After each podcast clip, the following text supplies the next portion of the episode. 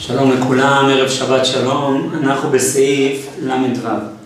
אומרת הגמרא, הרב גידל, אב הרגיל, דאבה כאזי ויאתי בשערי טבילה. אמר להו, אחי טבילו ואחי טבילו. הוא היה יושב בפתח המקוואות והיה מדריך נשים כיצד נכון להם לטבול. אמו לרבנן, לא מסתף אמר מיצר הרע, אתה לא חושש מיצר הרע? אמר להו, דמיין באפי כי קקי חברי. הן דומות בעיניי כי קקי, אומר רש"י, אווזים חברי לבנות. אווזים לבנים, דומות כאווזים לבנים. גם רבי יוחנן אבל רגיל דאבה כאזי ויאתי בשערי טבילה.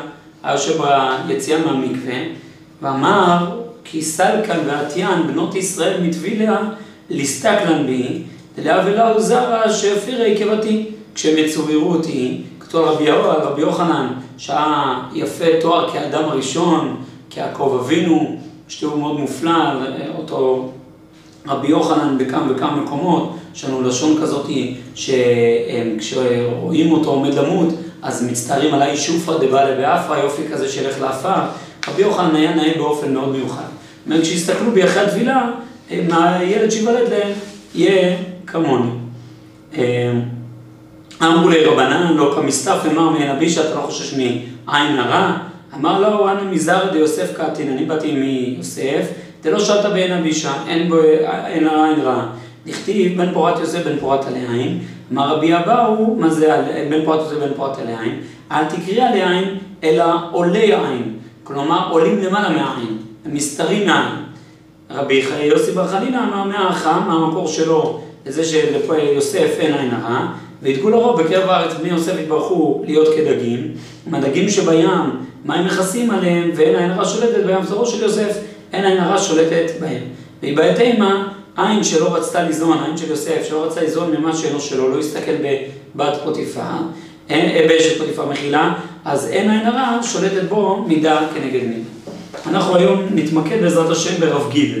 אומר הרב קוק כך, יש הבדל בין הנהגה מוסרית הראויה לאיש ישר בינוני, אשר אומנם כבש דרכה בהסכמתו ללכת בדרך הטוב הישר, אבל לא יתרומם עדיין בשכלו לקדש טבעו להשתמש בכל כוח רק כפי הצד השכלי שבו. כלומר, רוב האנשים, הרוב המוחלט, זה גם הצדיקים שבהם, הטובים שבהם, הם אנשים שכבשו את דרכם בהסכמה ללכת בדרך הטוב הישר. יש להם איזה נטייה, והם כובשים אותה מתוך הסכמה, מתוך החלטה, ללכת בדרך הישר, לנהוג בצורה מוסרית ישרה, לנהוג באופן הראוי. האנשים האלה הם אנשים שבאמת עוד לא התרוממו עדיין לקדש את טבעה להשתמש בכל כוח רק כפי הצד השכלי שבו. הם לא יודעים איך להשתמש בכל כוח מכוחות החיים שלהם רק באופן הראוי, באופן הקדוש, באופן המתוקן. הם יודעים איך לא ליפול, הם יודעים להתנהג יפה, אבל הנטייה שלהם להשתמש בדברים בצורה נמוכה, והם צריכים להתגבר עליה, לכבוש. כי את הדברים שהם גורמים להדרכה טובה, אותם יבחר להתקרב להם, הדברים שיוכלו לעורר נפשו לצאת מהשורה הישרה, מהם יברח. כלומר, הסוג הזה שאנשים, יש דברים שמורים אותם לקרבת אלוקים, בהם עוסקים, יש דברים שעולים להפיל אותם, הם בורחים מהם. אז יש הבדל בינו לבין האיש הגדול מאוד, אשר יתרומם להעלות תחושה וכוח ציורו למעלה שכלית, שהוא ימצא בכל עניין רק את הצד המחוכם שלו. יש אדם גדול שהוא רואה רק את החוכמה שבכל דבר, את השכליות שבכל דבר, את הנשמה שבכל דבר, את הערך האלוקי שבכל דבר. אצל אדם כזה החושים אינם משמשים אצלו בשביל הנעת ההרגשה, כי בשביל הידיעה השכלית הבאה מהם. כלומר, המפגש שלו עם החושים זה רק אמצעי כדי להיפגש עם התוכן שמאחורי החוש, עם העולם הרוחני, עם העולם הפנימי. כבר כתבו גם מפילוסופי האומות, שהחכם ישתתף באכילתו דעת משפט הטעמים. והידיעה לצייר אמיתת תכונת הטעם שהנאה שכלית היא עיקרית אצלו. יותר ויותר בין ארוך מהרגשת הנעת האכילה.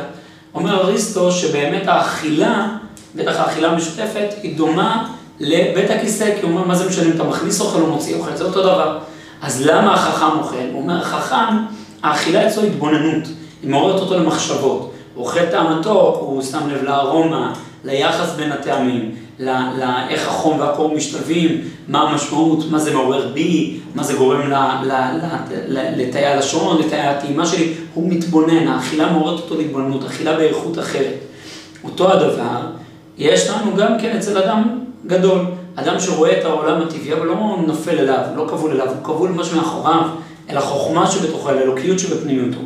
והנה לפעמים, יצטרך האדם כדי להדריך עצמו בהדרכה מוסרית, לגרוע עיניו מכל הרגשת היופי של החושים, בפרט במקום שיוכל לעורר רוחות פורצות גדרות, התורה והמוסר.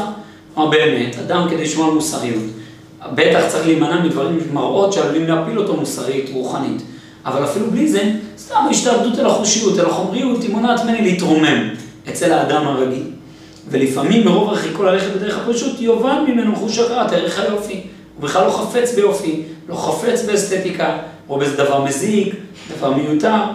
אמנם הגיבור וחסיד עליון, אשר גבר בשלמות, אינו צריך לאבד מנפשו שום הרגשה טבעית. אחרי שעברתי את מדרגת הפרישות, אני מגיע למדרגת החסידות. החסיד הוא מתחסד עם קונו, מתחסד עם כאן דיליי. הוא בעצם מתחסד עם הקדוש ברוך הוא ונותן לו כאן, כאן במציאות, להיות כאן לקדוש ברוך הוא. זה החסיד. הוא לא פורש מעולם, אדרבה, הוא משמש את כל העולם ככאן מהשם, כלי להופעת השם. הוא, אותו החסיד, יכיר את ערך היופי, אבל יכיר את ערך היופי לפי תכונתו ושימושו במציאות. כלומר, לשמה נועד היופי הזה. מי שרוצה להרחיב בסוגיה הזאת, יש מאמר נפלא של הרב צבי יהודה, לנתיבות ישראל ב', נקרא נויו של אילן. שם הוא אומר, על פי המשנה מסכת אבות כתוב, כל הפוסק במשנתו ואומר מנה אילן זה, הרי זה מתחייב בנפשו. בפשטות מהמשנה נשמע, שאדם פוסק ממשנתו, בסדר? ומתלהב ממראה העולם, מתחייב בנפשו. אמרתי זה לא. כל הפוסק ממשנתו ואומר מנה אילן זה. אין בעיה להתבונן ביופי האילן.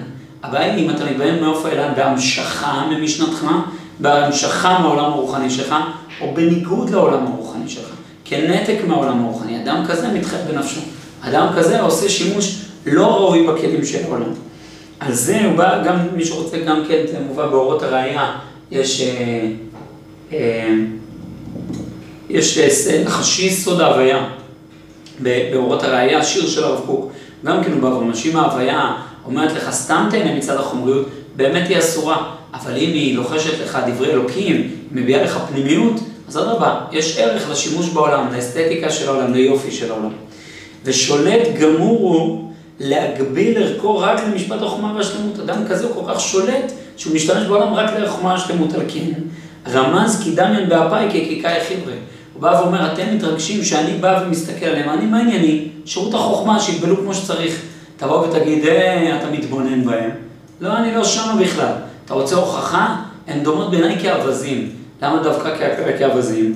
אומר הרב קוק, הגמרא הרי בפרק תשיעי אומרת שהרואה אווז בחלום יצפה לחוכמה. אווז הוא סמל לחוכמה. הן דומות בעיניי כמבלטות חוכמה. הן רק שימוש לכוח הרוחני, אני לא נופל למבט החומרי עליהן. הנה האווז היה סימן למושג החוכמה, כי אומר שהיופי שנכלל בחברי לא יוגבל אצלי. כלומר היופי, שזה החברי, אצלי הוא לא יופי מצד עצמו, הוא יופי של אווזים, הוא יופי של חוכמה, החוכמה מתבטא דרכו. לא יוגבל אצלי כי אם כפי ערכו מצד החוכמה, לא כפי ערכו מצד החושים ורגשי חמדת יצר לב האדם. וזאת היא מעלת השלמות העליונה, שברכת השם על מי ששם כל מעייניו לחזות בינו השם מבקר בהיכלו. יש ברכת השם מיוחדת. אדם ששם את כל מעייניו להיות בהיכל השם, בנועם השם, האדם הזה זוכה להימלט מהיצר העם שלו, סגולה מופלאה מהיצר, הוא לא שייך אליו, לא צריך להילחם בו, בכלל לא יחס איתו, כי הוא כולו פונה אל פנימיות המציאות. ערב, שבת, שלום ומבורך.